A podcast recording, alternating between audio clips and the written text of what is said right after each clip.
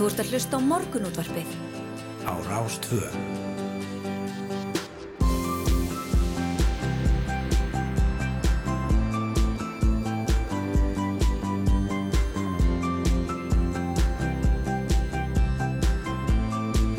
Morgunútvarpið Á Rástvö. Góðan og blessaðan daginn og velkomin á Fætur Rúnar Róbertsson og Felix Bergson eh, bjóða góðan daginn á þessum ágita þriðu degi, það ekki bara góðan daginn Jú, góðan daginn. Já, það er ekki komið 27. júli Hvorki meira minna. Já, Og Áfram. um, telli við niður í, í, í tíma. Þetta liðast þetta áfram og maður verður bara eldri. Það er nú það sem er sko. Það er, er gaman að veltast fyrir sér sko, hvernig maður sér tíman sko. Sumir eru alltaf að missa af einhverju sko. Já, Tíminn er alltaf að fara. Ah. Nú misti ég að þessu, ah, ég misti að leiknum ekki hér já, Svo er aftur á móti að segja sko, til að Grænlandi, þar kemur bara tíminn já, Bátunum fer, já, já, hann mun fara. Já, Þegar tíminn kemur sko. Einmitt. Þú veist, það er, er, þarna, það er einhvern veginn allt annað þarna viðþorf til tímans sko. Þannig að það er, er, er tólti gaman að velta því fyrir sér. Það, það er það og ég var að mynda ég hlóðu bara með sjálfum mig núna í, þegar ég sagði þetta að, hérna, að maður verður bara eldri að hugsa með hvaða sassin er þetta? hugsa ég með mér, Já, með sjálfum mér. Ja, hvaða sassin er þetta? Nákvæmlega. Fyrir utan það að uh, við erum bara eftir að verða eldri og eldri. Það er bara þannig. Þá til við hættum að vera eldri Ég meina það, þetta var ótrúð tölfræði að á hérna, ég man ekki hvernig það var, á 30 árum hefði lífslíkur íslenskar kallmanna aukist um þrjú árið eitthvað. Það er bara Já. ótrúlega, ótrúlega tölur. Já. sýnir hvað þráttur við sem alltaf töðir já, að hvað í rauninni, hvað vísindin og heilbriðskerfið er að halda vel utan um okkur já, já. Og hvað við okkur gengur. Og svo og þetta líka hefur þarna með að gera um, að það er minna um þessi hjarta áföll Já. með, með að þarna við erum ekki að deyja færtugir úr hjarta áfalli heldur er, er, er yngripp einhverju gera það auðvitað já, já. en það sé að er meiri yngripp og meira þessar hérna hvað er að bara blása og allt þetta. Já, og svo líka bara eh, þetta aðeins að íta við okkur kallmennunum að, að þegar við finnum eitthvað að að láta skoða það en ekki bara Nákvæmlega. taka þetta á nefanum eins og menn gerðu oft. Já, já, nógum að vera hjá okkur í þættinum í dag. Í lok þátt að alltaf Sæður Helgi Bragarsson að koma til okkar sem gerir hálfsmánu að lega. Við ætlum að eh, kík, halda fram að kíkja á e, þessar uppákomur sem eru um verslunumanna helgina, svona hátíðir. endilega og ætlum að fara í, í, á ættarmót pöngara Ættar mót pöngara, kokki minna. Já, Crossfitið, það er heimsleikar í vikunni við verðum meiri Evert Víglunds í sambandi við það. Og- ekkert annað. En mitt og svolítið að tala við mann sem er í stjórn strandiði félagsins og stundar strandiðar á vestursvæði. Já, og heyra svona þeirra hliða á, á málum eh, hvernig þeir sjá þetta fyrir sér eh, sem að e, stendur til að breyta. Matalara aðra tilkynntu breytingar á, á, á lögjöfinni um strandveðar og e, heyrum e, í honum Gísla Páli að vestan. Og e, svo erum við með pistil frá Vali Gunnarsinni sagfræðingjur í tjóðundir sem er í Úkrænu Odessa núna og kemum pistil þaðan. Og svo er það Sævar Helgi. Já, sagður Helgi Lókþáttar, það er bara svo lis en kannski blöðin í dag? Já, það er fréttalæðið það er um, um, já, það er svolítið svona eins og í, þetta með strandveðarnar, þetta er aðeins verða snúast um uh, landsfjórðungana og, og svona landsbyðar menn fann að takast aðeins á en nú, nú er sem sagt hótelegand á Norðurlandi að, að uh, Þráin Lárusson ráðast á þá Suðurlandi segja að Suðurland sé feiti ungin í ferðarþjónustunni og afétur okkur hinn Já, Hvorki meirinni minna. Og hann uh, segir, svo, segir hvorki meirinni minna að vörumerkið Íslands í rauninu ónýtt. Já, þetta er nú heilmikið umræða sem að liggur þarna uh, já, þetta er ferðamálin þetta er, þetta er svo stór business orðið þannig barist um krónunar og barist um, um, um sálirnar. Já, já, og, og það er náttúrulega vita að Suðurlandi vinsæl, hefur verið vinsælast hjá ferðamönnum og uh, það vantar mikið upp á aðra, öðru stöðum á landinu að fólk sæki það heim í nákvæmlega, að miklu mæli. nákvæmlega. Það er, ekki bara átak þar. Í- það er ekki stöðu átök. E, síðan er verið að ræða um þessi um réttastöðu læknana sem að e, er verið að rannsaka á suðunisum Já, þess að tvo lækna. Matsmenn hafa skilað að sér rannsókn vegna grunns og stórfæld og glæsvarni brotvekja lækna. Lögmaður annars lækni sem telur að málinn verði fælt niður. Þetta er Almar Möller lögmaður, ég vænti þess að málinn gegn, mínum umbjóðandum verði nú fælt niður en nýgögn segir hann bæta réttastöðu grunnar að lækna. Þannig að það kemur ljós hvernig, hvað kemur út úr því. Já, uh, Núvarandi fyrirkomulega gerir starfsfólk óörugt, segir að fórsíðu morgunblansins í dag en helbriðs ráðunitið áforman að þesta í sérlög ákveðum uppsapnaða og hlutlaga refsjáfinn. Með því var að hægt að sækja til saka lögaðilega þegar margir samverkandi þættir eða röða atvika er orsök alvarlegs atviks fyrir einstaka helbriðstarfsmenn. Núverandi fyrirkomulega getur orsakað að fólku upplifi óryggi starfi. Það getur hamlað opinni umræðu sem getur valdið því að fólk láta ekki vita ef einhvað fyrir úskiðis fólk verið hrætt við að vera svo til saka ef einhvað fyrir úskiðis segir Marta Jóns Hjördísadóttir formaði Fagrás landsbytarnas. Já, það er aldrei lis. Þetta er, já já, þetta er, þetta verður eitthvað mál. Það er að skoða þetta. Akkurat. Já, já. Já, já, það er, já, það er íminnslið blöðunum eins og segir þetta þessi umræðum ferðarþjónustuna Já, e, og e, en hérna er áhugaverðanandi ef, ef við má á jarðsögu og því að þrýstingur eikst í barðabungu. Og e, morgunblæsi er, er að tala við Pál Einarsson Já. sem að er jarðilegsfræðingur og professor emeritus e, þetta er sem sé aðalmerki um að þrýstingu sé aukast undir barðabungu segði Pál Einarsson í samtalið við morgunblæðið í gærum kröftu að jarðskjálta sem mæltist undir barðabungu í fyrradag já, þannig að eh, það geti það er alltaf eitthvað þrýstingur einhversu staðar og reyður um jarðar og Nákvæmlega. spurningin er þetta kemur upp, engin veit það Já, við þurfum eiginlega að skoða hvað gerist þegar, hérna, þegar ísinn bráðnar. Já, Við þurfum að fá hérna, hérna einhvern, einhvern jöklafræðing eða hérna, þá sem að vita um þetta allt saman. einmitt Því það eru ræðilega tölur um, um hvað, hvað jöklætur okkar eru eru að hopa mikið. já, Svo er það náttúrulega bara fótbolti, það var rosalegi leikir í gerkvöldi í fótboltanum. einmitt Sex marka leikur í, í hérna, frostaskjólinu og eða meistar af öllum eins og Káringa vilja kalla það. já, já, það, er ekki, það er ekki þannig þess að það hana. En þarna, en, uh, en eitt jafntefli þar og uh, þessu sinni stórveldaslægurinn millir Káir og, og Vals. Og svo var það er, er Ía í grei, greinlega í miklu vandraðum sínmegin í töflun og töpu 4-0 fyrir fram. Einmitt. Sem er svolítið að, að rífa sig út úr þessum, hérna, út úr þessari fallbaráttu.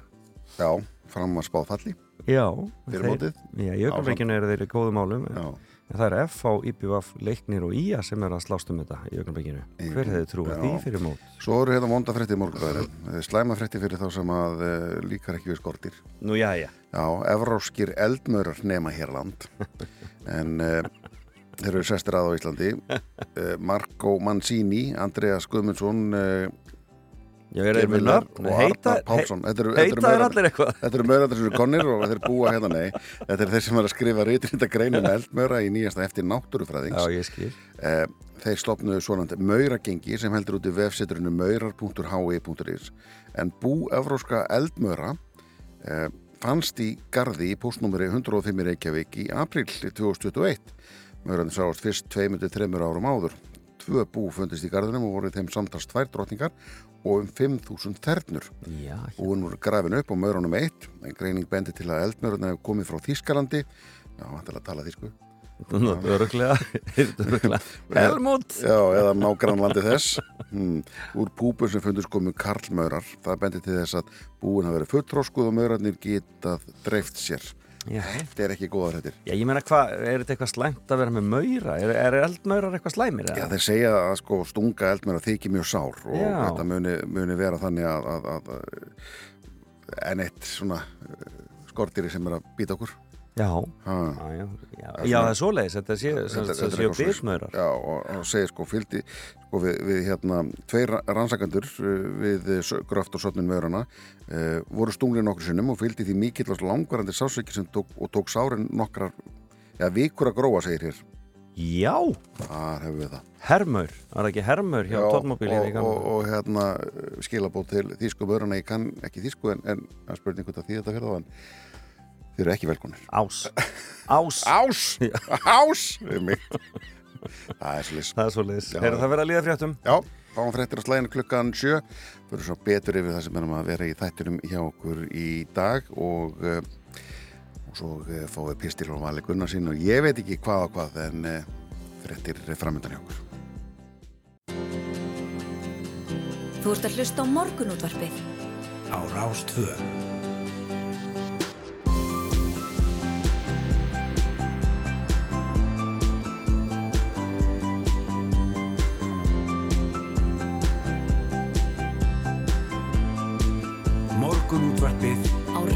Rástvö Já, þeir eru hlust á morgun útrapjóð og við erum hérna Felix Bergsson og Rúna Róberts og e, mikill þáttur framöndan. Verðið velkona fætur þeir sem eru komin á lappir og þeir sem eru ennþá að kúra, hafið það huggulegt bara. Já, já, það er bara ekkert um annað að gera en að njóta bara að vera í núinu.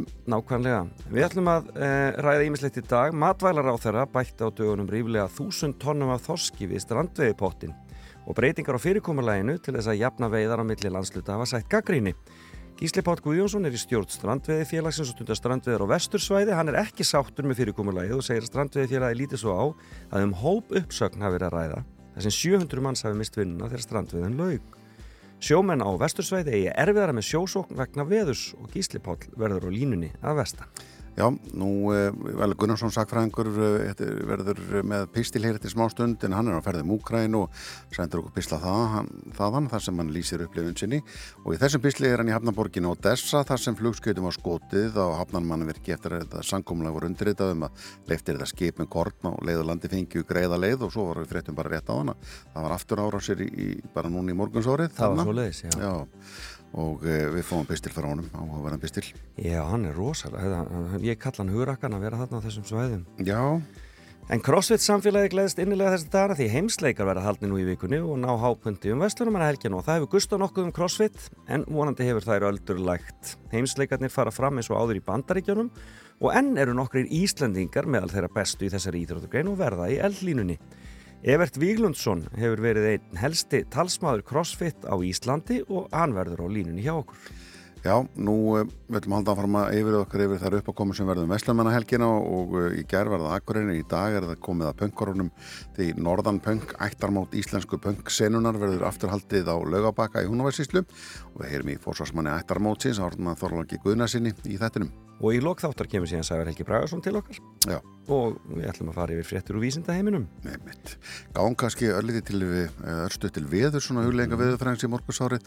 Læð djúft söðurlandi veldur sunnanátt og regning á landin í kvöld og morgun og sumstaðar sunnanlands gæti ringt mikið. Líkun benda sérstaklega til þess að mikil regning verði undir eigaföllum og mýrdarsjökli.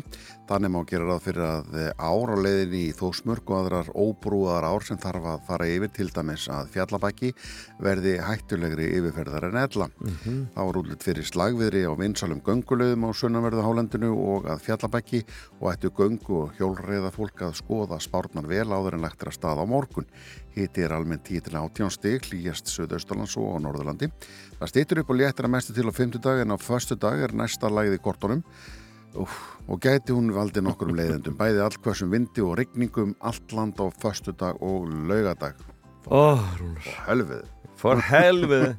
en ég er kannski ástæði til að hvetja fólk til að láta þá útlendinga sem er hitt á þessum slóðum.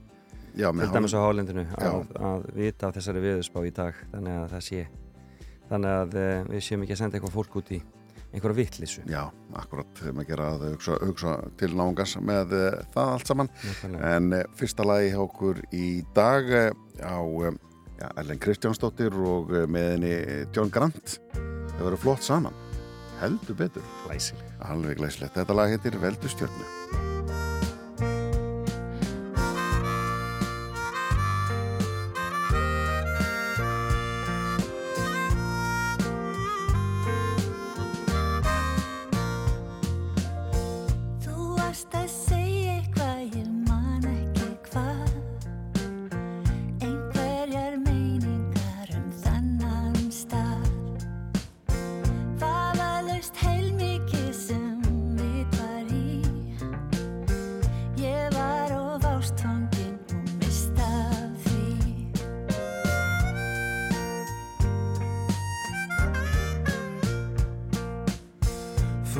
varst að segja mér frá sjálfri þér. Satt best að segja fór það fram hjá mér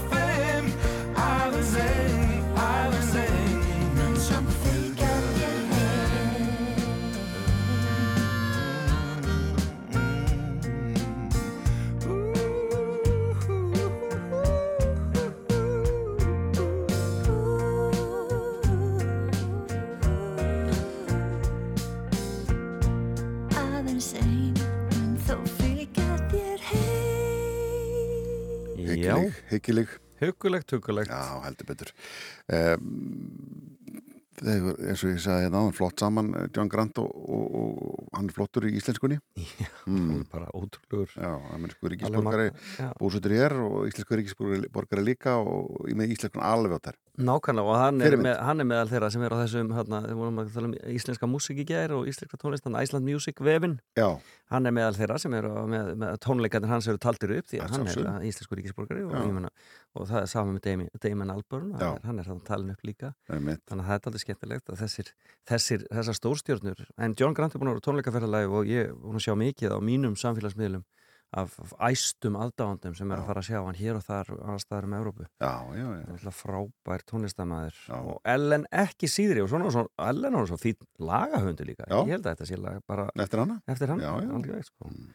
Tímarið hinsegin dagar, það er komið hérna og ef þið, ef þið eigi möguleika á að grípa ykkur það það er, verður örgulega látið líka hér víða um, um land. Já. og uh, að það eru bara frábærar greinar í þessu. Ok, uh, flott viðtöl og frábæra greinar. Er fólk eins og hérna, hún hérna hún Ugla Stefania hérna með grein. Uh, Vera Íllugadóttir með rosalega flotta grein.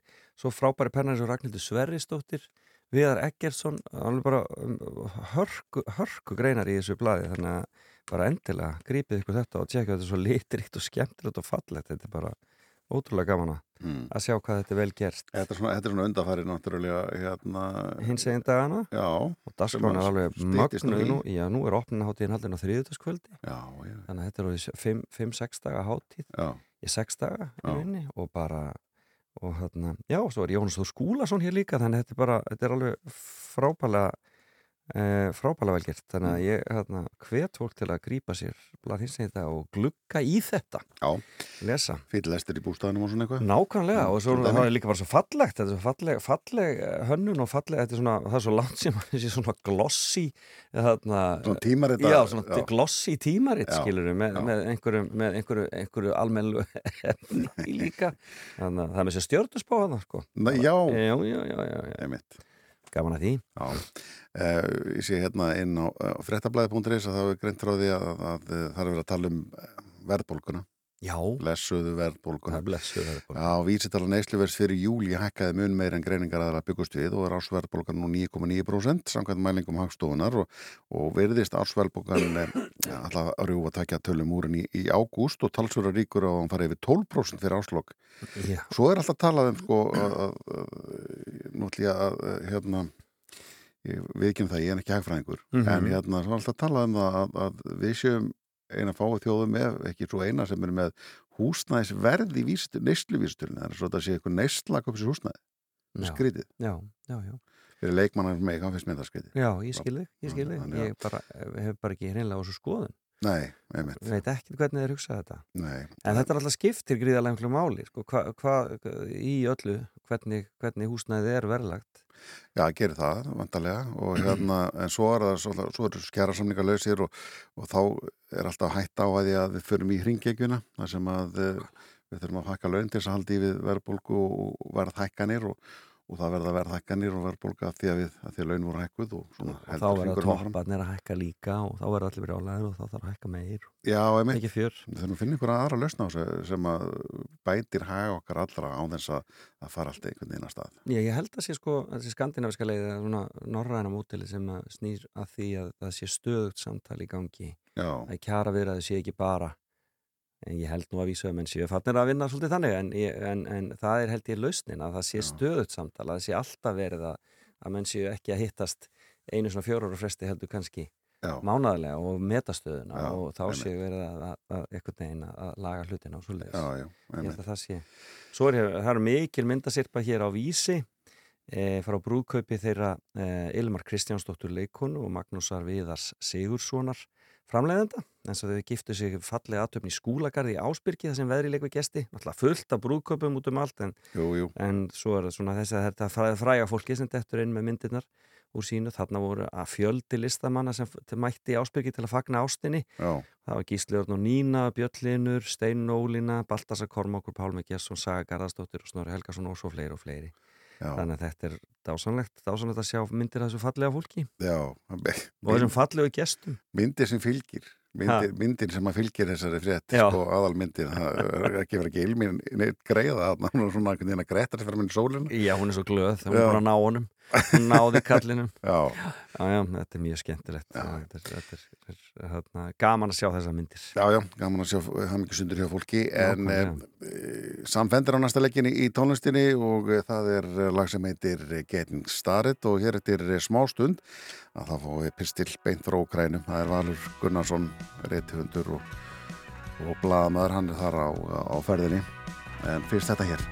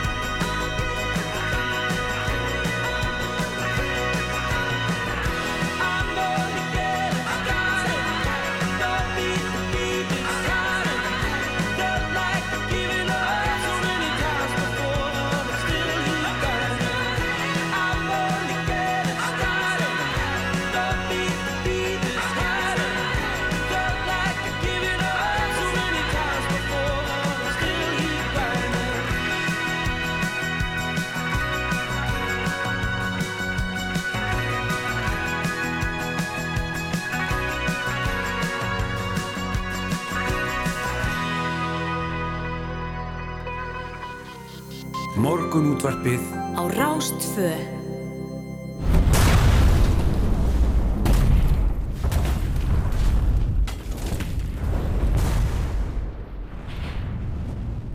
Eitthvað í undir meðutundinni segir mér að þetta sé jarðskjálti. Nú, eða verið sé að sprengja fyrir landsbítalanum einaferðina enn. Það er ekki fyrir en ég er fyllilega vaknaður að ég skinja hvað það hafi líklega átt í stað. Og samt heyrðist engar lottóðnarsýrunur. Börkur í næsta herbyggi sem hefur reynslu á átakasvæðum í Afganistan og Írak segist af stokki niður við hliðin á rúminu. Mesta hættan í árusum kom af glerbrotum sem dreifast yfir þá sem fyrir verða og þannig látist flestir. Glugganir eru með útínnið svarta haf en ekkert teipir í þeim til að halda þeim saman ef í hart fer. Setna um daginn fer ég og hitti Alísiu á Buskinska. Hún segir þetta stærstu árasina allt frá því stríðið hófst. Alicia er markasfræðingur á fertusaldri og ólíkt mörgum löndum sínum hefur hann ekki mist vinnuna enn sem komið er þótt mikið hafi verið fækkað hjá fyrirtækinu. Og Desa lifir helst á túrisma og sjómennsku eins og aðrar borgir sem við getum nefnt en tekið hefur verið fyrir bæði sögum happans rúsa. Alicia segir rakitunar koma frá tundurspillum á Svartahafi. Stundum stjótið er yfir borgina stundum á hana. Í báðum tilfellum fara viðvörunarkerfi í gang. Hún segir að fyrir nokkrum mánum síðan hafum lítið vitað um hermál eða vopnabúnað en síðan þá hafum lítið annað gert en að fylgjast með fréttum Hún geti hvort hjort á kvikmyndir nýlesi skáldsögur vandamál sögupersona eru harla léttvæg með að við það sem hér er verið að fást við.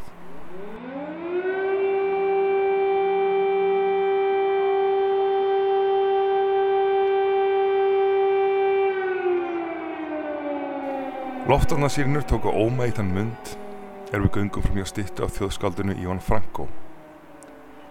Alicia mæli með að við förum á kaffihús. Minni líkur sjá að verða fyrir sprengjubrótum innandira.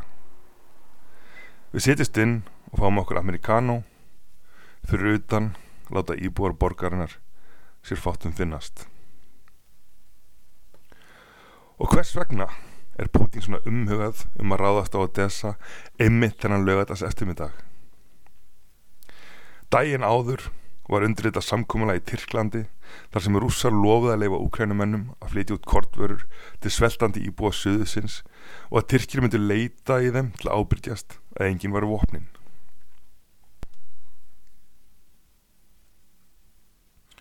Sumur leiðis á að leifa rússum að flytja út ábyrð en talið er að um 47 miljónir manna við þeim heim séu nú komnir undir hungumörk vegna stríðsins.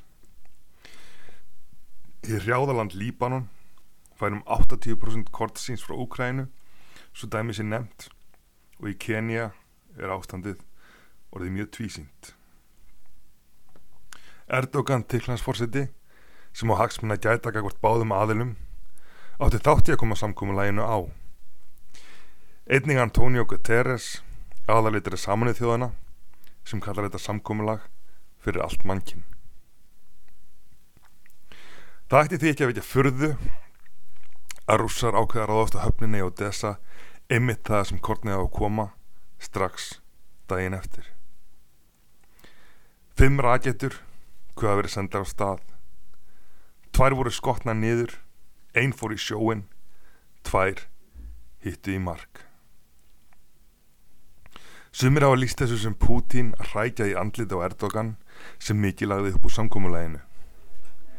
En er þetta ekki einmitt það sem hann gerir alltaf? Og álíka fyrir sjáanlegt er að rússar sést ekkert við árásana kannast.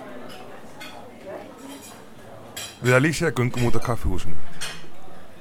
Hættan er liðin hjá. Raketuna stemdu vist að Mikolæf, borgar sem er lengri í austur og margt hefur maður þóla.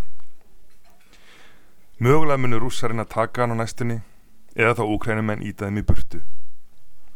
Samningaviðræður virðast einskis þegar öðrum aðalunum er ekki treystandi til að standa við neitt sem ákveðið er.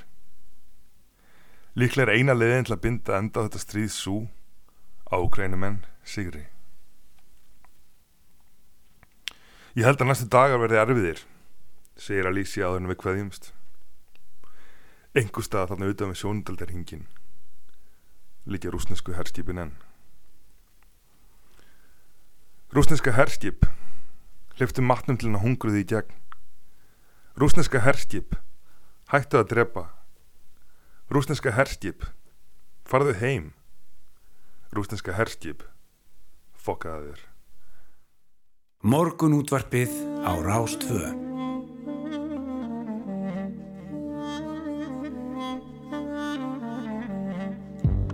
When strangers are coming. They come to your house.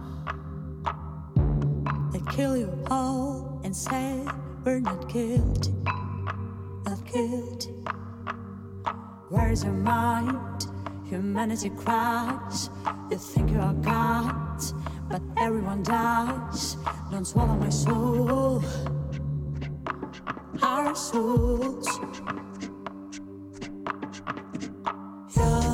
Bağıma toya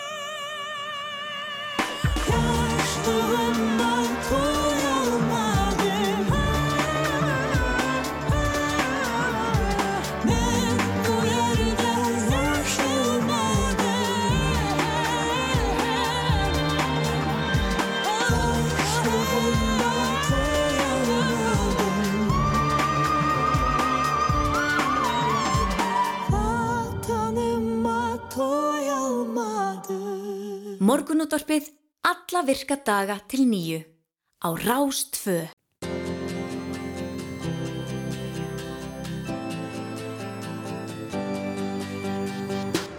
Þú ert að hlusta á morgunútvarpið Á Rástvö. Ég, eh, þá heldum við áfram hér í morgun útarpinu við vorum að hlusta hérna rétt fyrir frétta yfirlit á Úkræns lag í kjálfara pistli frá eh, Vali Gunnarsinni sem er í Úkrænu. Já, þetta er sigurlagið frá 2016 Já. þegar Ukraina vann síðast áður en þeir runnu í fyrra. Já, eða í ár, segi ég. Já, já, Já, það var semst um, og það, það lag tengdist beint sko krímskaganum. Já, og þetta er náttúrulega 1944 fjallar um semst þegar rússar uh, mörkuðu lífið úr töturum já, já, Krímskaga. já, einmitt. og hérna, en þetta tengdist náttúrulega beint því að ef tveimur árum áður höfðu rússarnir ráðist og, Já. og tekið krímskagan En Það, það var stóra fréttir í gær í Eurovision heimi. Já, já, nú er, uh, nú er um, verð, kennum verður í Breitlandi og, en með svona úkrænskum áhrifum og úkrænsk það, það, það verður áhersla á það að Úkræna hafi unnið og Já. þarna, þannig að það verður úkrænski listamenn sem stíð á svið og, Já, já, og, þarna, og úkrænskum listum og, og, menningu verður gert hátt undir höfði já, þannig að þetta verður mjög spennandi að sjá hvernig breytar og úkrænumenn vinna þetta saman einmitt. Hefur ykkur að skoðan því hvað, í hvaða borg þetta ætti að vera? ég veit svona aðeins hvað er verið að- ég veit að það eru margir sem er að bjóða og, Já. það, og nú er og nú byrjar sem sagt eh, sá ferill, hann byrjar held ég bara á morgun þá verður sendt út sendur út upplýsingarnar og ég, mér skilst það séu alltaf 19 borgir sem hafa Já. líst áhuga og halda þetta þeir, uh, þeir búa vel þarna þeir eiga hallirnar og allt til að gera Já. þetta sko. Að, þetta er líka spennandi fyrir íslenska Eurovision áttaðandur, það er stutt í Breitlands til að fara á, og mælta á, á svæði. ég held að margir hugsi sér gott í glóðarana núna ég að skuttlast yfir og fara í partíð og ég held að einmitt að það sé það sem borgirnar gera sér grein fyrir þegar verður spennandi að sjá þær gera sér grein fyrir að það verður Gaman að því. Nú eh, matvelar á þeirra eh, bætti á dögunum riflega þúsund tonnum eh, af þorski við strandiðibotinu og tilkynnti breytingar á fyrirkomalegin til þess að, að jafna veiðar á milli landsluta eh, þetta allt saman hefur sætt gaggrinni Gísli Pátt Guðjónsson er í stjórn strandiðifélagsins og stundar strandiðar á vestursvæði. Hann er ekki sáttur með fyrirkomulegi og segir strandiðifélagi lítið svo á að um hóp uppsækna hafi verið að ræða það, þar sem um 700 manns hafi mist vinnuna þegar strandiðum lauk. Sjóminn á vestursvæði heldur en annars þar á landinu og eh, Gísli Páll er á línunni hjá okkur, góðan daginn. Já, góðan daginn þessum við. Eh, farið aðeins yfir þetta með okkur, hvað er það sem að þið gerir aðtjóðsendi við? Það, eh, það hérna eh, svona með svæðaskiptinguna og þessar breytingar. Já, þetta er sem sagt þannig að hún er að búa að reyna afturkvarf til gerðusinn sem var fyrir 2018. Já, Það sem var sem sagt, kvóta skipt niður á svæði og síðan niður á mánuði þar á eftir. Og þá týtti það fyrir okkur hérna á vestursvæðina. Við fengum svona 56 dag í mánuði til að veiða útlutnaðan kvóta fyrir mánuði. já, já. Og þurftu Þá, og þá voru við Já, og þá voru þetta yfir fyrstu daga mánaðarins sem við þurftum að hópast allir á sjó til að fá eitthvað út úr kerfinu og það, það var að leggja okkur í stórkustlega hættu með að senda, senda okkur út á sjó í, hvaða öðru sem er bara til að fá eitthvað Já, Þegar kótin kláraði þetta eftir finnst það stað já, og þess, þetta hún kerfi, er búið afturparið aftur hverfi í þetta? þetta kerfi Já, já. En það hef, hafa verið óanægjarættir með núverandi kerfi um að hafa ekki verið réttlátt, uh, rétt á skiptingu Já. melli landsluta. Já, já. Stæðan fyrir að laga það þá ætla hún að fara aftur tilbaka Já, og gera allavega já, já, hún ætla að færa til vandamáli fyrir að reyna að leysa það. Já, og við stjórn samtöðufélagsins og landsamband smábúrlegenda við höfum bentin á hvernig mætti bæta kerfi ekki eðalega En, en, en uh, þið getur náttúrulega uh, svo sem veitt allt sumar eða þið fengjuð leiði til þess eh, þannig séð, Já, eh, er það það sem er að fara fram á og fá bara óheftar við veiðar? erum bara að fara fram á, á þessu 48 daga sem er búið að lofa okkur. Já, sem er kostningarlofa Vafki í rauninni. Mm. og það er búið að lofa okkur að festa þetta í sessi síðan 2018 já, en þeir hafa ekki náða að gera það og það er vant að þeir finnst alltaf vant að kvóta upp á. Er það vil stórútgerðin sem, vil að, ekki reyta á hann er það þá stórútgerðin sem stendur í vegi fyrir því út af, út af kvotakerunni eða hvað? já að, já, ég myndi telja það að veri það er sterk hagsmuna hagsmuna samtök sem að er á móti þessu. Mm, og hafa alltaf sett stein í gött okkar. Já. En, nú, og eru að reyna, vil ekki sjá okkur en nú til dæmis um daginn var nú bara fréttin það að uh, aldrei veist eins mikið og 5 miljardar krona tekjur sem komið af strandiðanum í, í ár. já, já. Uh, vel hefnað verið styrra. þetta er vel hefna og, og, og það er bara gleðinni Mm. og þá bara væri bara sjálfgefi fyrir samfélag sem byggir á hefur alltaf byggt á sjósó að gefa bara veist, gefa okkur gefa bara en því, leiða okkur að veiða meira Já, eða vel gengur, já, en þetta er stoppa Þetta, þetta hefur alltaf með kvóta að gera það ekki og venda fiskistofnana og þannig að við getum nýtt á rétt. jú, jú. en við veiðum á vistvænasta veiðafærinu sem Já. til er Já, og við, við opnum aldrei fiskistofnum. Það er ekki möguleiki fyrir okkur að opna fiskistofni. Nei, Það er bara, en nú, það er ekki hægt á þessum veðarfærum. nei, með 20 króka hver bátur já, að dingla með 20 krók í sjónum. Það er 15 til 20 króka. Við, við opnum en- engu. nei, en nú, Nefnum kannski stólugjörunni. já, en nú er það, nú er það svo að, hérna, er ekki alltaf að fjölga í hópi strandveiðibáta líka, Jú, jú. svo Mm. komum við inn á þá umröðu líka, sko, Jú, það má alveg taka það umræðu. Það er kannski önnur umræða. já, Um að, veist, það eru komið stórfyrirtæki með 2-3 báta inn í kerfið. mm. Veist, og það er bara umræða sem þarf að taka en veist, En er, er Nei. viljið meina það að þessar breytingar sem eru uh, aftur og baka að það verði til þess að, að, að eh, menn neyðist til að fara út í hvaða verið sem er eða Já, já. menn færi samilli landsluta Kannski það er kannski það sem hefur verið að gerast núna. Já, Það hef, hafa aldrei fleiri verið hérna fyrir vestan. já, Út af því að hér er alltaf besta veiðin yfir þetta tímabil. Og hann, þess vegna náttúrulega veittist mest hér.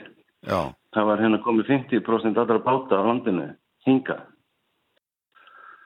Og það er náttúrulega að segja sér sjálf að það veiðum við mest.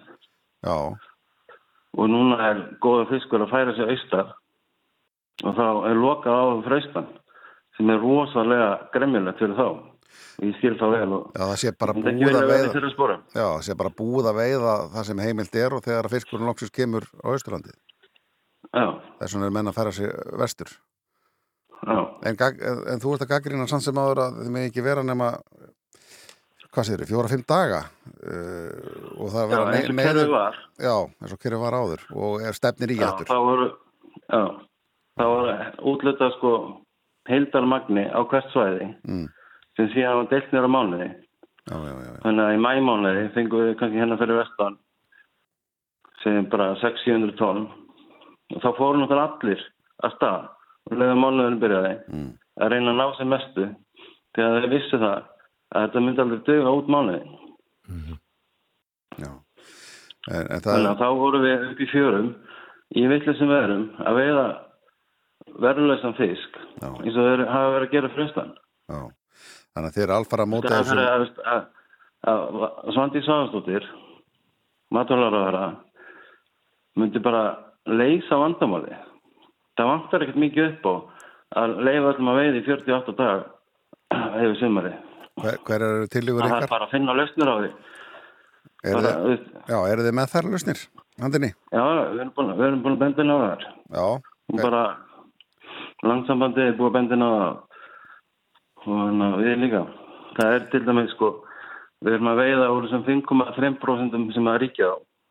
Ríkið á 5,3% allra afla heimild í landinu. Og við fáum útdelt úr því.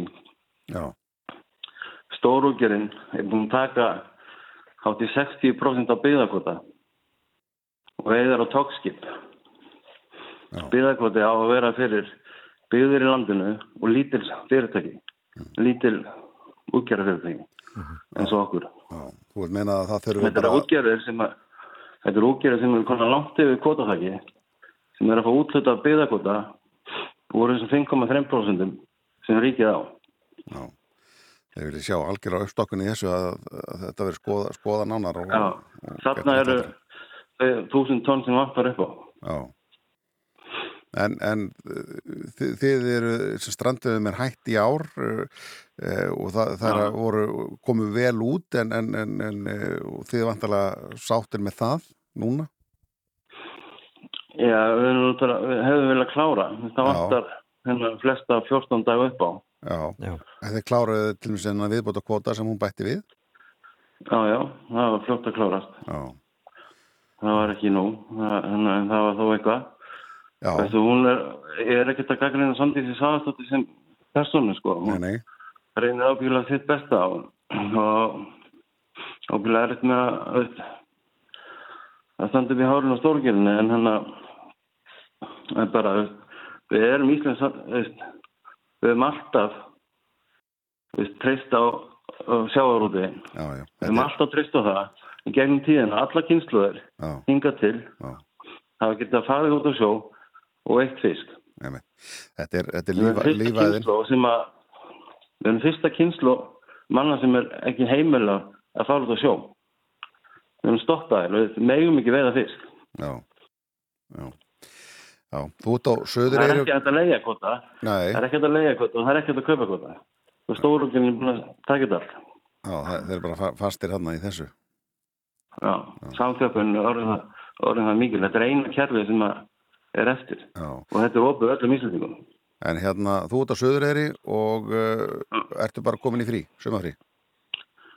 Já, því miður.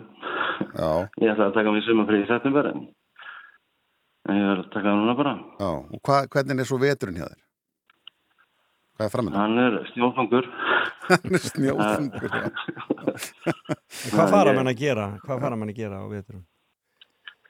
Það er, sko, það hefur verið hægt að lifa á þessu þokkalegu lífi, svona, maður hefur náða að- að að tjena það ágætlega yfir sumari að maður getur teikt lópan með yfir veturinn, hann getur þetta byrjar aftur. Já, En það, það verður ekki núna, þannig að ég veit ekki hvað ég gerir vetur, ég þurfi ekki að flytja söður og fara að vinna bara. já, það er svo leys. Já. Það er eina sem maður hættur að gera. Ert þú með eitt bát eða fleiri? Ég er bara með einn, Já, og ertu einn á húnum bara eða hvað er þið margir um já, borð? já, Já, þú ert bara einn. ég er bara einn. Já, Já, og, og hvað er það bara hérna þegar þú ferð út, þú ferð út elsnum á mótnana vantarlega og, og, og já, er að hvernig er já, er að koma heim? Við höfum 14 tíma, þannig að þetta er svona frá 4-5 nóttunni til svona frá hádegi og til 6, Já. svona eftir hvernig gengur bara. En eru þið, Það gengi það vel í sumar að maður verður frekar snöggur á þessu. já, eru þið sáttir við verði sem þið þáður í fiskin? Ég er búin að vera sáttir í sumar, já. En það er bara mjög breytilegt eftir árum. Jú, jú, En það er búin að vera mjög gott í sumar. og fer allt á markað. Já, ég er reyndar að landa hennar inn í fiskvinnslan hennar staðnum. Já, já, Það er, það er líka hafa þeirra að fá fiskin hennar bara Spriklandi bara. ágrinn. Já, já. já, já. En hérna, uh, ykkar félag, strandviðfélagi vantarlega kemur þá að því að, að, að ræða við ráð þeirra áreina að, að fá þessu breytti og vantarlega fáið Já, áhægt já, þar. já, já, við, við erum búin að byggja um fund með henni, hún hefur ekkert svarað okkur. Nei, sumafrí og svona uh, núna, en hérna, Já, já. vonandi Já. fáið, fáið áhægt sem, sem fyrst. Gísli Bátt Guðjónsson, trillukall á, á söður, er í takkjala fyrir að Já. tala við okkur. Kæra þakkir. Takk sem leiðis. Kæra þakkir. Bestu kveður. Já, já, já, og hérna, Þetta Þetta er eiliða málin. Þetta er, þetta, er, þetta er stórmál. Það er engin spurning. nei, nei, þetta er stórmál og, og byggðamál og hérna, að, hérna, þetta sé sangjant allt saman, það, að allir geti verið sáttir. Rökina Ef sér það er sterk. Sko. Rökina sér sterk. Já, jú, það er það. Það maður að halda frá hér í, í morgunútröfnu. Frettir framöndan eh, klukkan átta, bara svona rétt að minna á e, þær, en hér er Herbert Guðmundsson sem að sko svæði á samfélagsmiðlum í gæra sko að hann var sko, hann er byrjað að æfa fyrir þjóðatið og e, Albatross er að spila undir hjá Já. og e, hann titrar af spenningi. Þetta verður eitthvað. Þetta verður einhvað og hér er nýjasta lagi hans Heppa. I follow you.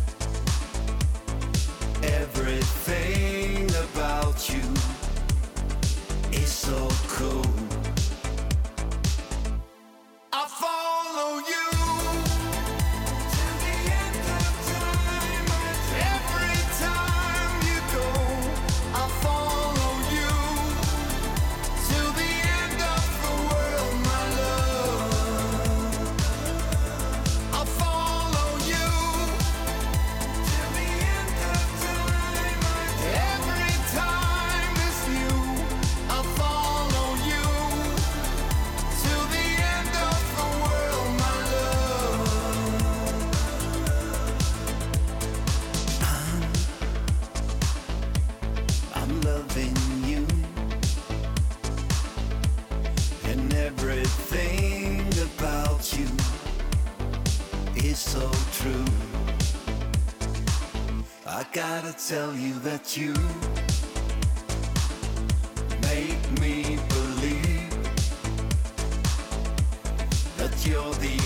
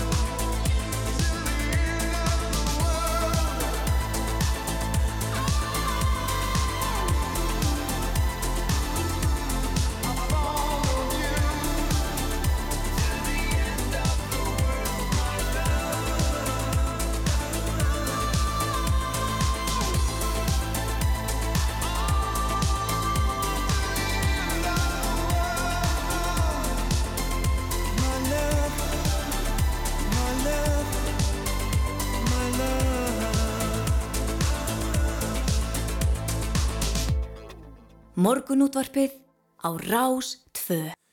Gæst nú bara gýrin með hapa Já, já, það verður eitthvað, þetta verður stuð í, það verður stuð í dalnum þegar Herbert stígur á svið, það er ekki spurning. Fyrsta skipti sem hann er, hún er búið á þjóðið Já. og hann tekur því opnum örmum og hérna gerir sitt allra besta yfir það Já, þetta er skemmilegt. Já, hann var aldrei slögin til þess að peppi brekkuna með þar Nákvæmlega, nákvæmlega.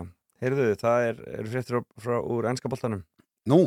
Portugalska stórstjarnan Cristiano Ronaldo mun setjast niður með nýraðanum knastmennstjóra United í dag til að ræða framtíð sína. Já. Hjá Manchester United. Er hann ekki ykkur um hálfu mánu og setni í það með hvernig átt að mæta til æfinga? Verða daldið seitt. Já. Hann ferðast ekki með liðinu til Ástralíu og undirbúinustíðinbölinu og að persónulegum ástæðum, hann er náttúrulega að reyna að komast í burtu en Já. það er bara spurning hvort einhver vill hann sko. Já, emitt, það er þennan málið það, hérna, er háa launakröður sem fæla frá Já, Hann vill verið í mistradildin svo Tommy saði við okkur í hann að, þetta snýst náttúrulega um það og, og kannski að, að þarna að þetta virkar svolítið ekocentrist en hann kannski vill klára ferilinn þannig að, að, að hann bæti aðeins í þar. Hann er búin að skora gríðarlega mikið mestradildin og vill Einmitt. vera einn af þeim stóru þegar þessu líkur hjá sér. Já, já, eitthvað var að tala um að hann geti jafnvel farið til Atletico Madrid en það er ekkert í hendi þar og, og hann er slíkt þannig að hérna, þetta er áhugaverð saga Já, þetta kom að það fyrir ári síðan og, veist, og svo bara einhvern veginn hann held liðinu svolítið í gangandi Nákvæmlega en, en svo einhvern veginn samt Gekk í rauninni ekkert nema þegar hann var inn á einhvern veginn sko. En uh, hann alltaf þetta er, svo- þetta er svo óvennlegt fyrir United sko, því að þeir, það var alltaf þannig að ef menn urðu of stórir Já. fyrir klubin þá fóru þeir bara Einmitt. þannig var það hjá Ferguson þarna var allt innu snúið við og allt innu var bara verið að draga inn stórstjörnuna Já. Þetta er svona eins og en, en uh, En nú er Ferguson hann ennþá, meina innan, innanbúða maður. Já, mér skist að það, það var einmitt það, sko, Ronaldo satt með honum á einhverjum fundum líka. Já, já. En svo fyndi nú, svo, svo er þetta það er menn hann einan hús alveg tístand um þetta og fullu því líkur kjaftasögurnar og Já, já. þetta er skemmtilegt Það er ástæði fyrir því að breytin kallar uh, þetta tímanbíl núna silly season. Já, Það var alltaf maður geti lesið fréttir um, um, um slúðrið í ennska boltanum því að þetta er svo mikið bull sem er í gangi. akkurat, akkurat Þannig að maður er svona hættur að reyna að fylgjast með þessu þannig séð. Þetta Svo bara þegar að liðin tilkynna um uh, þessi er búin að hérna, kaupa einhvern og þá Skemmtilegir, skemmtilegir samkvæmisleikir. Skemmtilegir samkvæmisleikir. Já, Þannig að það er bara svo leiðis sástu fréttinar í gær, uh, gerkvöldi, uh, Pétur G. Markan, beiskursriðari og Margret Lilja Vilmyndadóttir prestur í fyrirkirkjunni eru par og, og uh, þau fengur sem dölufell brefinum lúuna nú á dögunum. Já. Í brefinum má sjá fordóma fulla orðraðu gagvart hins í samfélaginu og segja þau brefi sína hversu mikilvægt sé að halda barátunni áfram. Já, og þeim að þeim, hún Margrét sem kalluði Milla segir að þeim hjónum hafi bröðið þegar brefi kom til þeirra en fyrst og fannst bröðið vegna innihaldsbrefsins mhm, og hérna um, gemdavarka máli orðið Antikræst á hins eginn fána sem var búin að mála á gangsitana fyrir Gráhúskirkju og uh, það var laga strax og búið að spreyja aftur á það. já, já Þetta er er stórmerkilegt. Já, já, það er bara eins og þetta er og, og það, þetta er nú bara eitthvað sem að fólki hins eginn samfélaginu þekki mjög vel. Já, en miður. Já, já, og svo þegar, stuðnismennir koma fram þá eru þeir fá þeir þetta líka yfir sig. En þannig að þetta verður, uh, verður áfram. Það er, það er ímislegt í gangi. En hins eginn dagar náttúrulega í, í, í, í næstu viku. Já, og hérna já, bara strax eftir, eftir Vestlumhelgina. Já, já. En uh, við ætlum að skoða hér og eftir eh, Crossfit. Já, og svo líka hérna, eina, eina hátíðina en eða þeir vil Já. ekki, kalla það úti áttir kalla þetta hérna, svona ættarmót pöngara Ættarmót, pöngara. Ættarmót pöngara þeir Það er sem svona. aðhelst þá, það er, það er tólunststefnu og þann lífstíl Já, og það verður, áhugavert að heyra í þeim hér og eftir já, já, það verður á næsta klukkutíma en við minnum á fréttinar á slæginu klukkan eh, átta. Síðasta lag fyrir fréttir á hún Reifin, hjarta tók kip. Sagan ykkar byrjaði vel Nokkur augnar áð brós og nýstar Lóksins hóna brána þín skil En nóg er aldrei nóg, þú veist það. Tíminn án afláts leið En sambandið stóð í stað. Hún endalaust beið og beið Þess að þú rinnir í lag. Þið skortir suma kosti sem skipta hann á máli. En áfram hún brosti þó. Hjartastað á báli. Þú fórst henni bara frá. En hún skilur þig vel þér brá. Þegar hjartað tók upp Og þú vissir ekki hvaðan veðri stóð þig á. En eftir setur stúlkan vangan að falla tár Því hennar hjartað tók upp Hún vissi ekki að yrðir henni aldrei á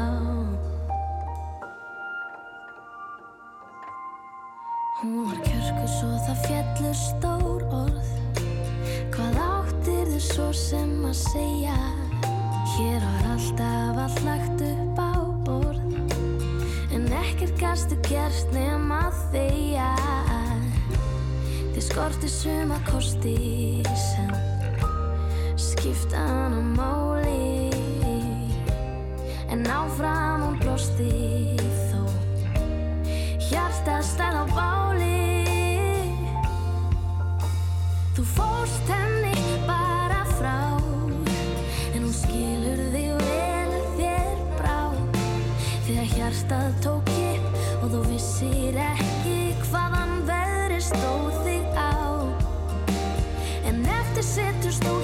sár Og niður vangan að falla tár. Því hennar hjarta tók upp Hún vissi ekki að þú yrðir henni aldrei á. Þú lést hana alfarið um að passa Að ekkert bjáta þig Þú ert að hlusta á morgunútvarpið. Á Rástvö.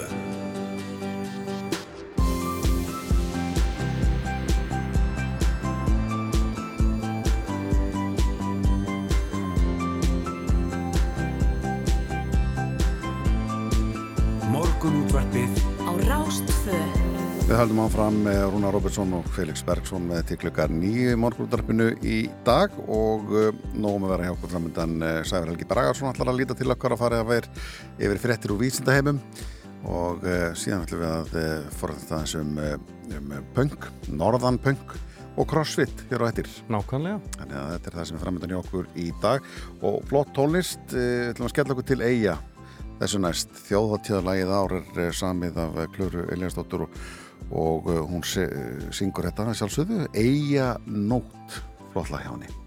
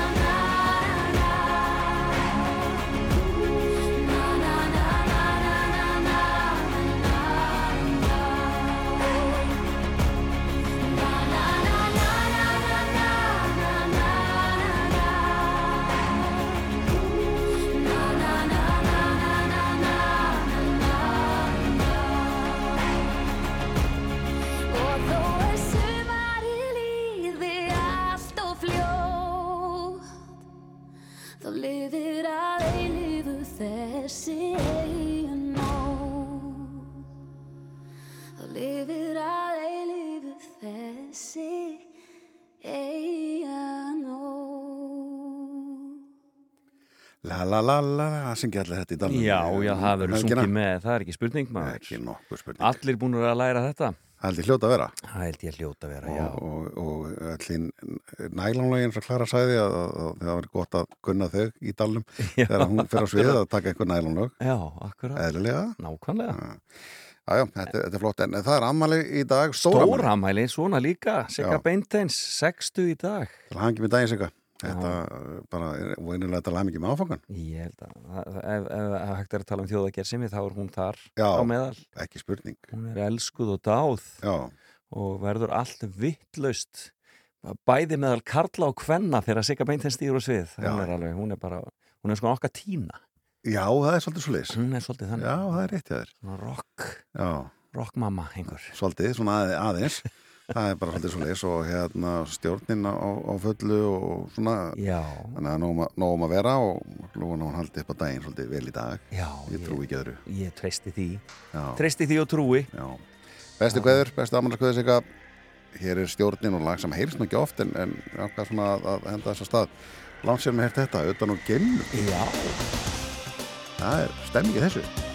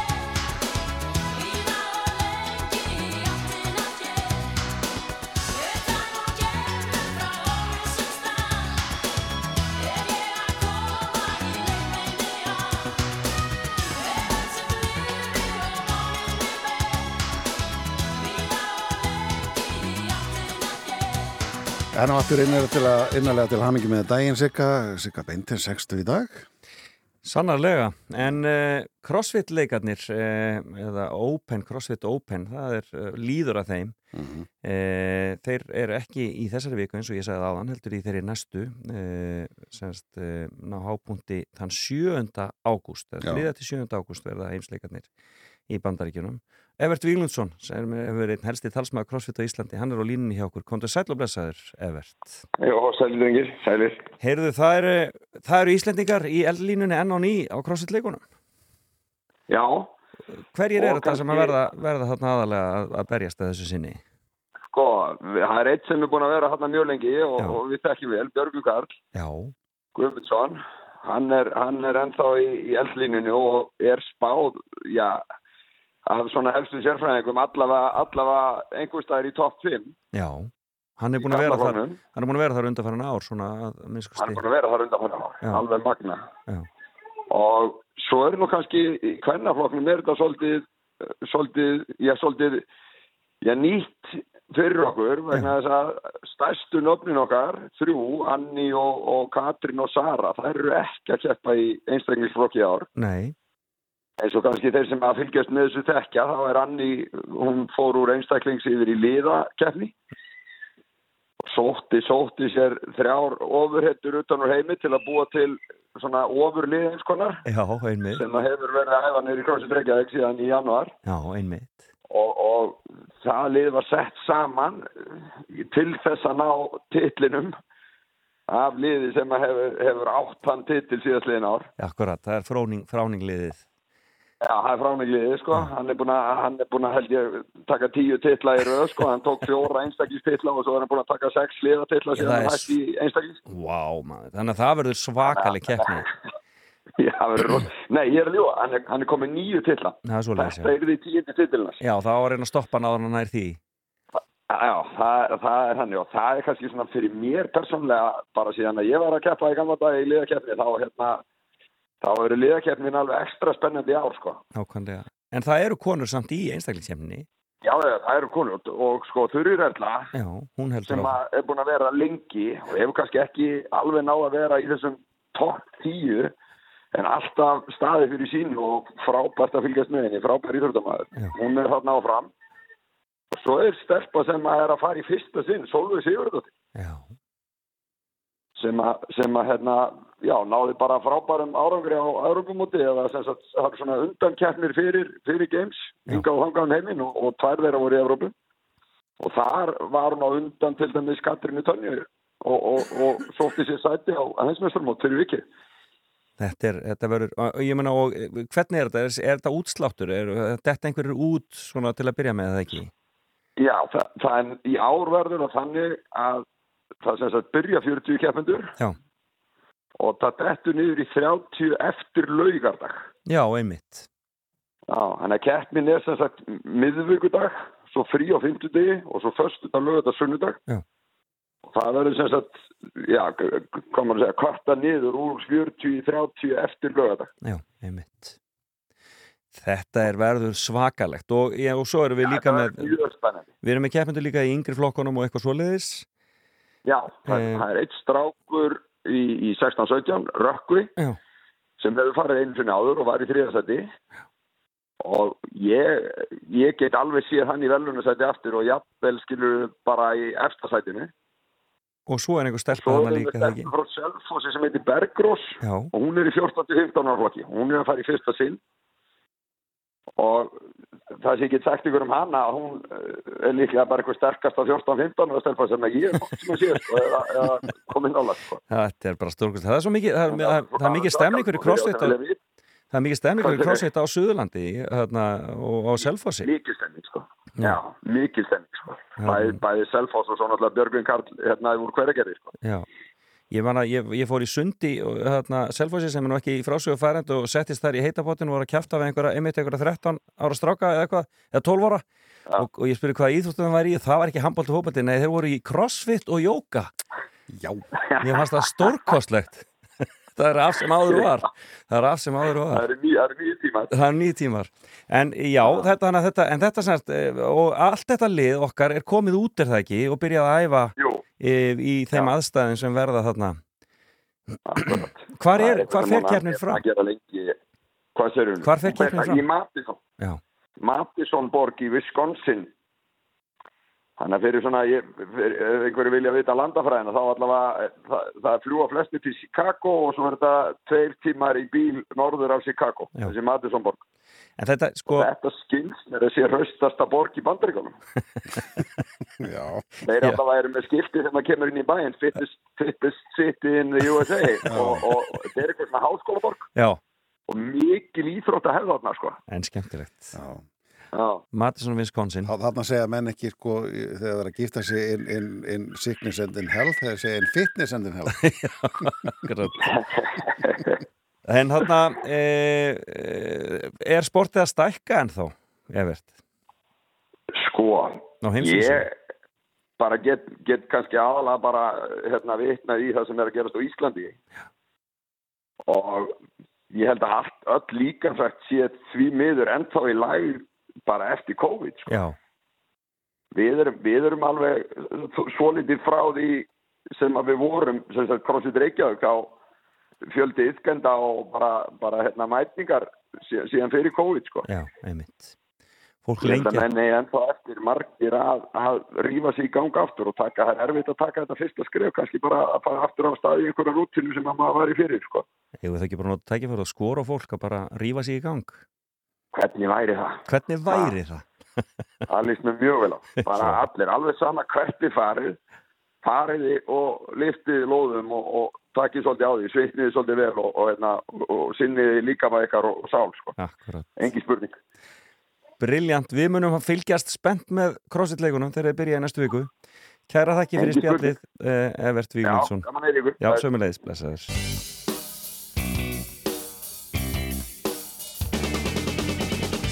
Farðu frá Ég sé þig nú í nýju ljósi Á annan stað Ég vildi ég væri allt annar maður Eins og þú Fullkomin ætla að byggja hann upp með hraði Vertu allt svona. Það góði mitt Kabla skiptu líka mig Með sexa bíl svo fullkomin. Ekki lengur leti líf Ég ætla, ætla, ætla að verða alveg eins og þú. Og eiga áhorfendur sem að býða í röðum Á eftir þér Í slef og pumpa í svita böð Verðu átrúna það góði mitt Kapla skiptu líka mig Með sexa bíl svo fullkomin Ekki lengur leti líf. Ég ætla, ætla, ætla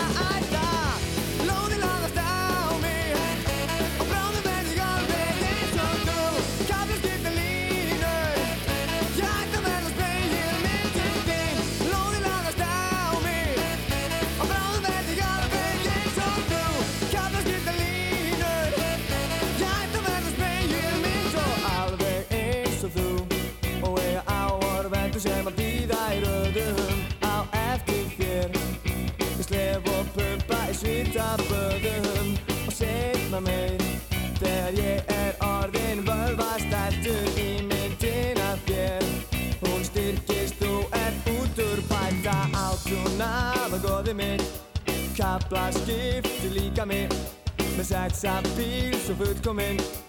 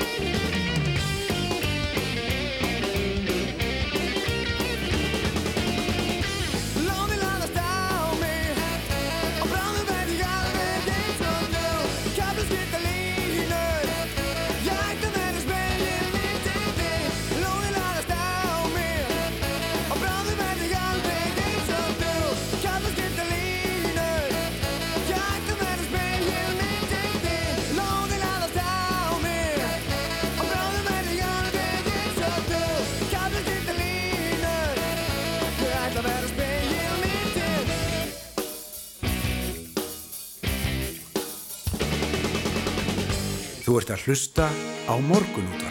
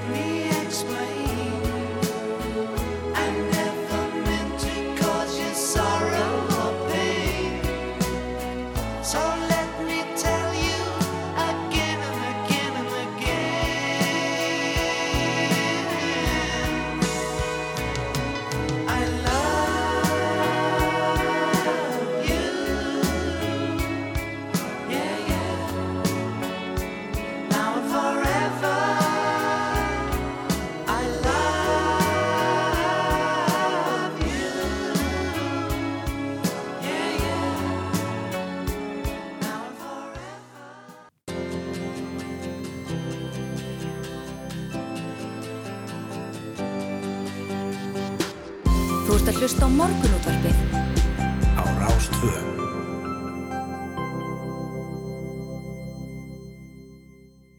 Já, komið sæl aftur, þá höldum við áfram hér í morgunútarpinu og um, við ætlum að byrja á því að um, halda yfirrið okkar yfir þær uppákomur sem verðum vestunumann helgina áfram og nú er komið að pöngurunum.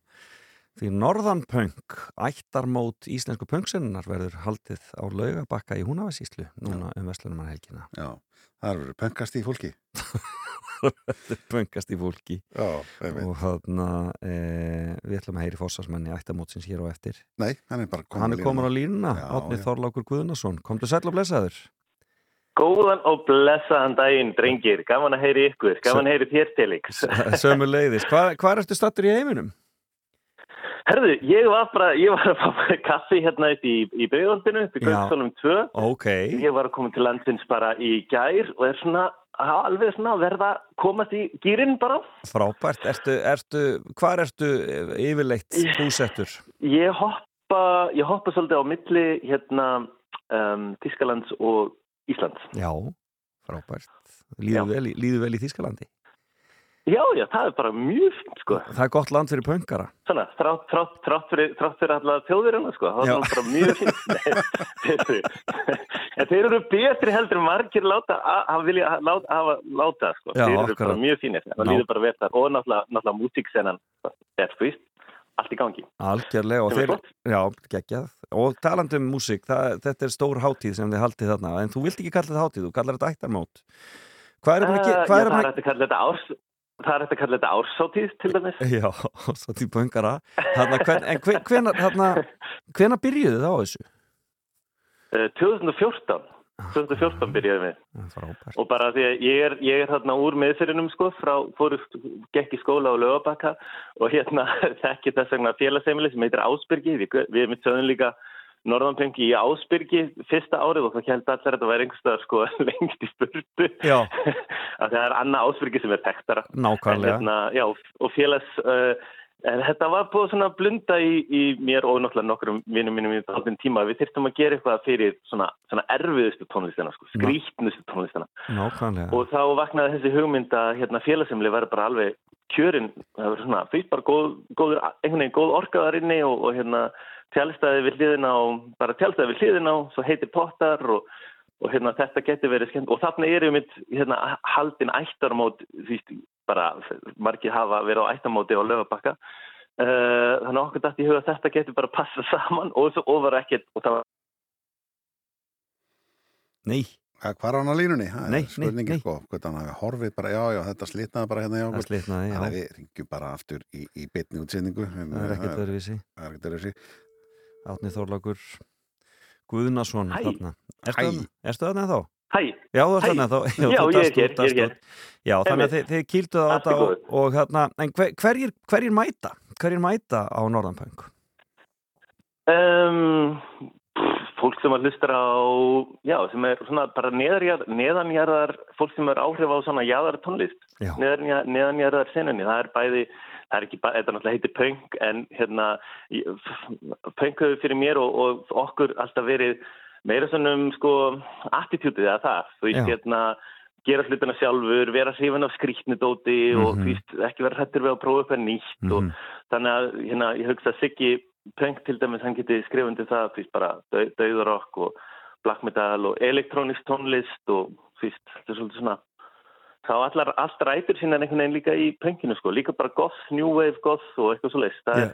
En er þetta er þetta- er þetta- er þetta líka spurningum er þetta spurningum lífstíl líka eða hvernig fólk vil lifa lífi sinu líka bara svolítið? Er þetta svo ákveðið anarki og svoleiðis? Um, já, fjölbreytnin, já, fjölbreytnin og anarkismin, svona, anarkismin er svolítið erfitt, anarkismin mjög súper spennandi að stúdera anarkisma og anarkiska hreyfingar bara í Katalóníu og hérna, þú veist, svarta hérin í Úkrænu í hérna, fyrir hérna, heimstyrildinu og allt þetta, en anarkismi er svolítið, margir skilir það náttúrulega sem stjórnleysi, en anarkismi, um, að margir sem að aðhyllast anarkismi myndi segja að þetta snú- snúist um að taka ábyrð á eigin umhverfi. Já, Þannig að það er svolítið eitthvað sem að kristallast náttúrulega líka þegar maður er að búa til tónlist sem að er ekki kannski, pff, uh, þú veist, ef einhver er með bar nýri Reykjavík þá vil það frekar hafa karaoke í kvöld heldur en kannski tónlistinu sem þú ert að gera af því að hún er bara ofskrítin og þá endur á því að bara þurfa að skipulegja tónleika sjálfur. Þá sér það, ok, ég þarf að finna einhvern stað, ég þarf að sapna saman vinnum mínum og við þurfum að búa til einhverja skrítna tónleika því sem að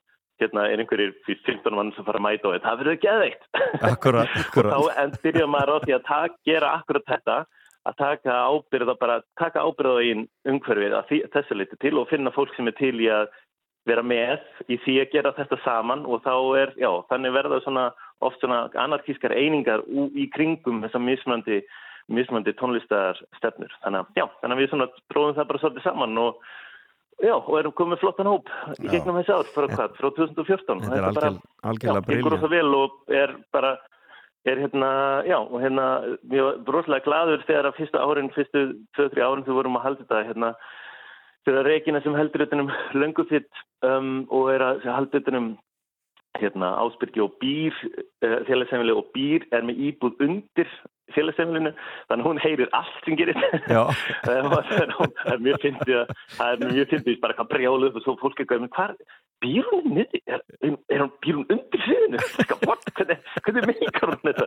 En þegar hún var hérna fyrstu, fyrstu árin að bara lappa um tjálstað að taka myndir og posta hjá sér á Facebook bara eitthvað, er einhver annar með svona snirtilegt tjálstað ég held ekki. Nei, Þannig að- dásalegt það eru svona ákveðnir, það eru svona skemmtilegar uh, gagstæðar myndir sem að svona byrtast ymmit í gegnum mjög óróleg tónlist en hérna, já, einhvern veginn mikið af þessu bara rólindis fólk sko. Já, nákvæmlega. Ég sé hérna á Facebook síðu ykkur Norðan Punk að, þeir eru ekki að selja miða við hurðin en, en eh, svo segir þetta mjög áhugavert Mhm. engin viking metal engin já, vikingametal þe- já, já, þetta er að það var, já, fyrir það sem ekki tekki, kannski ekki tekki það er náttúrulega lengi sem tekki það. En hérna það var bresk vinnur okkar sem voru með, í, með okkur að starta þessu hérna í den byggu hérna, þeir voru tveir breytar og þeir hérna voru að spila eitthvað svona, eitthvað svona náisaði punk og eitthvað svo leiðis og enduðust, enduð af tónleikana á, á þessu sko bara fuck you and your viking metal. Og þetta var svona meira djók sko. Þetta er Þetta er ég hlust alveg á vikingametal og við hefum vini hérna, þannig að þetta var svona svolítið og nú er, nú er þetta svolítið búið að fest og ég er stundum hef ég pínu ágjör að einhver haldi við séum kannski að að meina þetta. Það er er eins og það er. er. ekki skiljast En þeir eru með tvö svið uh, og, uh, og svakala Er það flott að sjá hvað eru mörg bönd að spila? svakala flott læna? Þetta er algjörlega briljant og ég, ég skemmti mig best eiginlega yfir nöfnunum af böndunum skilur þetta er náttúrulega bara alveg stórkostlegt Já, ekki? sko. Já, Sálarkvöl og, og sárasótt. Guð er hins nýja tíma og naðra. Þetta er sko, þetta er, ég minnst þetta alveg gattavír og Já. góð, góð, Já, já, já, já. góð uh, eilíf sjálfsfróni og þetta er, er stórkostlegt. Ég held að þetta verði ég held að þetta verði meira áttar hjá okkur þarna um helgina Þannig Já, að eh, mikið til. þið byrjið á... Þið vil ekki, þið vil ekki kíkja? Ég það er aldrei að vita, aldrei að vita ef maður er á Já, ferðinni. ef þið, ef þið eruð eitthvað á ferðinni, þá Já. bara endilega hérna, bankið upp á. Algjörlega. Ég, þarna- ég er bara mikill viking metal maður þannig að ég veit ekki hvort að Ah, ég skil, ah, ó, ég vissi að þetta myndi fæla einhvern frá. Svona er. Svona- Þið byrjið á föstudaginn eða Þetta var hrættur um, En þið byrjið á föstudaginn? Jú. Frábært. akkurat. Þetta verður briljant til... Uh, kannski, kannski mikilvægt kannski mikilvægt fyrir fólk sem er hlustað í útverfmina við skrifum pönk með augi náttúrulega, af því að það er ekki pönk að farast í stafsynningareglum, þannig að ef einhver er að leita á okkur þá, þá er það norðan pönk með augi Já. og akkurat, einmitt, við erum alveg svona af því að við höfum uh, af því við viljum hafa svona, hvað við segja uh, varan á og hafa svolítið yfirsjón og því passa að fara ekkert eitthvað, rugg þá er mitt ákvöðum við þetta því þetta er Veslumannahelgin að vera ekki selja með við hurð heldur að fólk þyrfti að hafa fyrir því að fara á heimasíðun okkar og skrá sig, skrá sig hjá okkur þannig að hérna Frábært. bara, já, svo sé ekki eitthvað ekki eitthvað, hefur lett í stund væri eitthvað bara lið af gutinni eða bara hefur engan á tónlistinni og að maður eitthvað, ó nei, hver er þú Bara vesen. þannig að, já Átni Guðnason, En það allir sem, hafa, áhuga eru bara mjög meira en velkomin. kæra þakki fyrir spjallið, gaman að heyri þér. Já, ei, takk, gaman að heyra ykkur. Já, bless, bless. Skemmt ykkur vel. Já, sömuleiðis. Bye, já. Bless, bless. og uh, við ætlum að, að spila eitthvað punk hérna sko eh, og ég veit að fræblanir er ekki að spila þarna en, en við lefum að þegar maður hljóta hér með þeir svona, er svona koma, þetta er svona grunnurinn í Þeir eru punkinu þeir- eru orðinir rása tvö mainstream. Já. þannig að Það, má- það má spila þá. þetta, er, þetta eru fræblanir og, og bjór Nema hvað.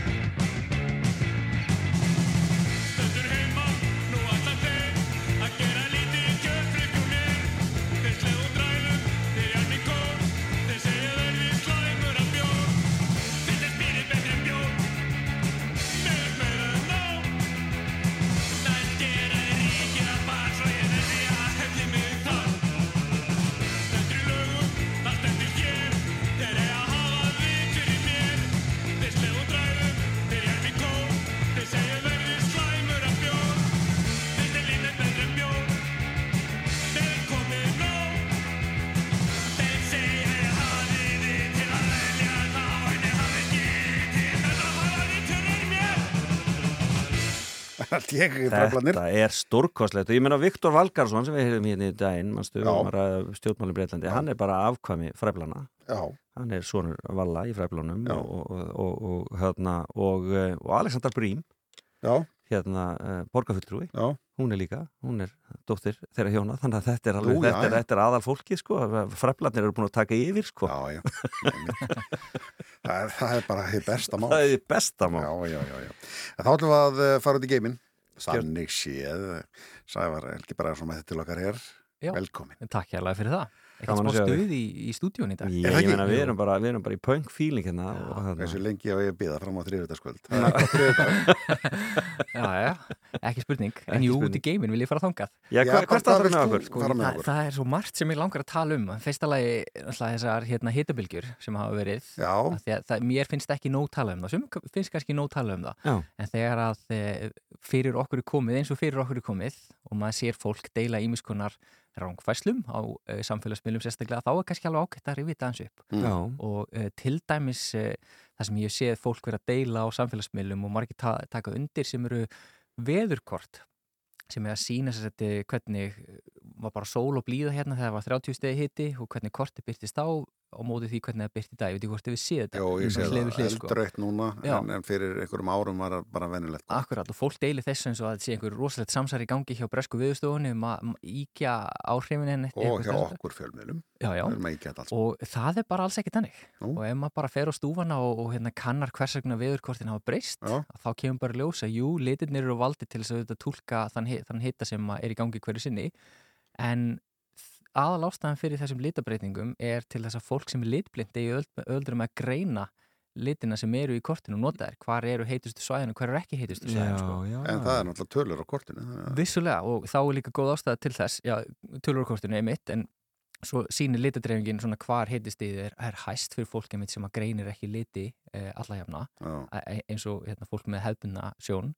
En e, svo má líka eh, sýna það og segja það bara að þegar heitistíð fer yfir 35 gráður og nálgast 40 þá er þetta bara lífsættilegur hitti og þá er bara full ástæð til þess að sína viðurkorti eldreitt svo fólk farið varlega sko. Nákvæmlega. en, en þannig að þetta er ekkert sérstakt e, Og það eru margir sem að það er fólk sem, sem bara fellur frá það, bara fólk deyr í Já, svona heldur Sérstaklega betur. eldra fólk á mjög erfitt með að eiga, bara, já, glíma við svona hita. Akkurat sko og það, var, það er með þess að vera að gera tilrunir á fólki bókstálega ekki viðurfræðingum heldur af hérna, líffræðingum og læknum til að reyna að kanna það hvaða hitasti maðurinn bara hreinlega ræður við. Já. og það er til eitthvað sem heitir vothiti og það, þá tekur þú náttúrulega með lofthitan og svo þetta rakast í loftinu líka. Og ef að hitin fer ekkert mikið neðar heldur en kannski 35 gráður eitthvað svo leis þá bara líka mér rúslega erfitt með að e, losa sig við hitta sjálfur. Þá fyrir hjarta að pumpa hraðar sem að veldur því að líka mér verið þyrstari og þú smá sem hann bara þotnar upp sko. Og þetta veldur álega á líkamann og það hafa verið að gera tilrunni sem er að sína fram á þessi uh, hitir jafnvel lægri í mörgum tilvökum hjá jafnvel full frísku fólki. Já. þannig að þegar að veðurstofur og fleiri er að var fólk við hitum þá er það ekki að ástæða lausu þess að viðvarinni kom ekki bara frá veðurfræðingum heldur líka læknum sem vita alveg hvaða áhrif svona miklir hitar hafa á fólk. Sérstaklega fólk hefur ekki aðganga að loftkælum og jafnvel uh, vökva til þess að hérna, drekka yfir heitasta tíma En hvað segir við fólk sem að segir eh, þessar, þessar hitatölur alltaf sést áður á fyrir á öldinni? Já, ef þetta er hitt og met þá auglustlega hjá það er ekki sérst- sérstæður. Ekki hitametinn náttúrulega. Nei, akkurat, en, en- ef ef við tökum dæmi með þetta þá vitum við það að nattræna loftlagsbreytingar er að gera hittabilgi bæði tíðari og heitari og hittabilgina núna þær eru magnar upp af áhrifum þess að við erum búin að hita loftípun okkur um eina gráða meðaltali og þessi mögnun byrtist í því að hitabilgir í dag 1-4 gráðum heitar en það ættu annars að vera og hitabilgja eins og núna sem ætti kannski koma einu svona öld að við erum að sjá það er kannski 10.000 sinum líkleri Já. þannig að við erum, erum farin að sjá þessi hitabilgju koma á eins og uh, kannski hverju ári nánast eða þryggjára fresti eða fimmjára fresti í staðin fyrir að koma einu svona hundra ára fresti Já. og ef við skoðum hitamöndir sem hafa verið slegið núna trekk í trekk ár eftir ár Mhm. og skoðum til dæmis bara fyrir Bretland þá eru margir sem voru að deila hérna eh, 1976 hitabilginni hitin þar kemst ekki einu svona lista yfir hæstu hita mældir í Bretlandi undarfarna ára tíu sko. Nei. og undarfarin 100 ár vegna þess að hitastíði undarfarin bara 10-20 ár. Hefur Og hvert og fætur öðru hitamöndi slegið sko. Sjáum við þetta ekki líka bara eh, svo, hér á Íslandi til dæmis bara með hópun jökla? Jú, hitast og ekki bara það, það sem veldur um okkur vandræðum er að sjálfsögðu þessar þessi aukin tíðni og lengru og heitari heitabilgjur en líka steipuregn úr hellis í rigning að því að heitara andrumsloft ber meiri varma. Mhm. það ekki að sjálföðu farið inn í hérna gufubað, bara heittað inn og útrúlega rakt loftið. En fyrir hverja gráðu sem eh, lofthiti hækkar þá getur andrumsloftið borið að meðaltali eh, 7% meiri raka. Og þetta er bara svona eðlusfræði tilrönd sem maður gerir í framhaldsskóla eða jafnvel háskóla þegar maður fer í slíkt nám.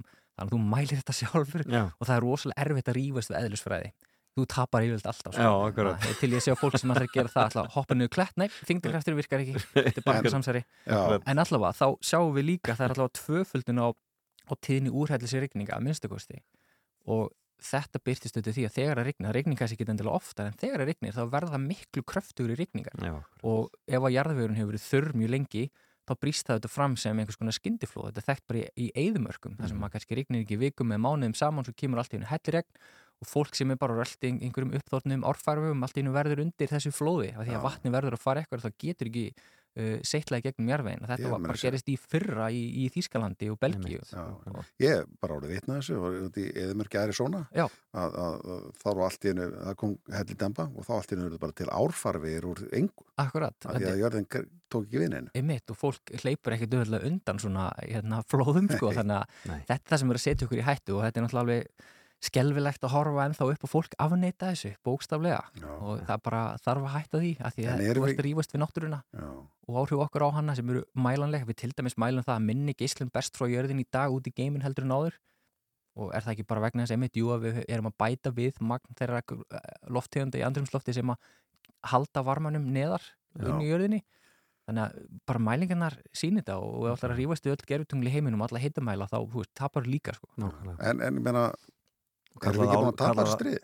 Kallað álfa vísindi Já, það er svo sannlega ekki alveg vísindi En ég meina, erum við ekki búin að tapa þessu stríði? Um, já, Er ekki á seint að snúið? Nei, nei, það er aldrei að senda snúfið en við erum hins vegar komið það langt inn í áhrifin, bara rétt rúmlega einnig gráður hlínunum við strax farin að sjá þetta og ef fólk skilur ekki hvað áhrif það hefur þá er ofta ágætt að ímynda sér svona normalkurvu kannst við hann eða ekki, svona bjöllukurvu Mhm. og þá erum við meðaltal einhvers þeirri miðinni svo við meðaltalinu til með eina gráðu þá færa það líka þá í uh, hægri endan sem í þessu tilíki er þá með jaðar hitastegunum, hita öfgunum þá er búin að hneka meðaltalinu í þá átt sem því er að þú færð þessa atbyrði oftur og oftar og heitur og heitar því þú hnýka líka jaðartilvíkunum til ennþá lengri til hægri.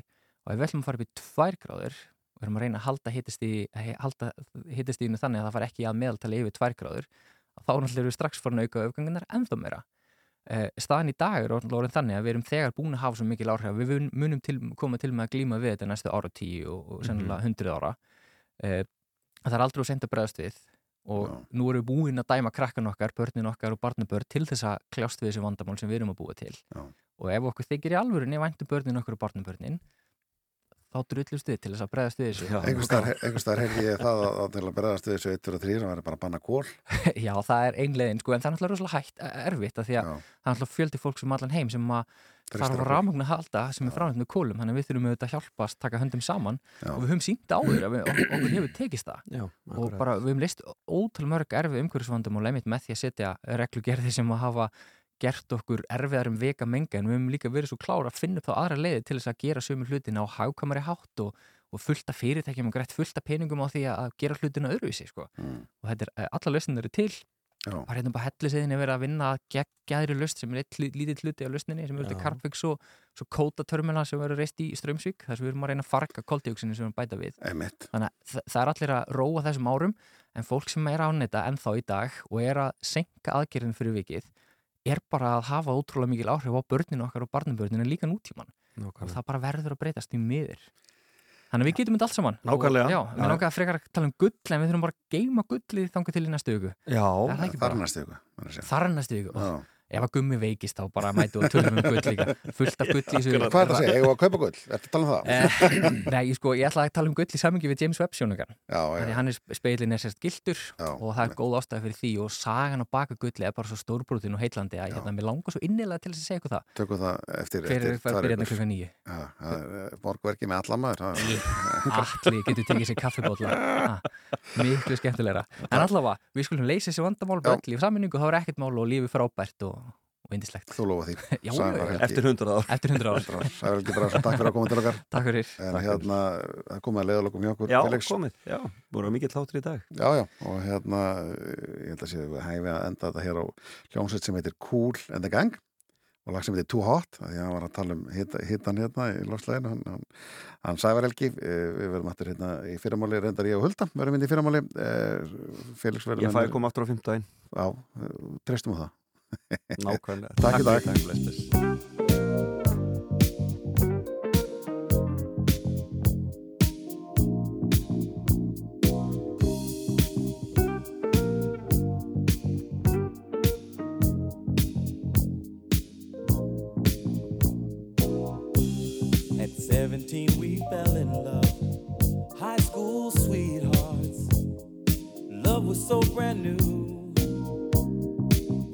the vows of man and wife forever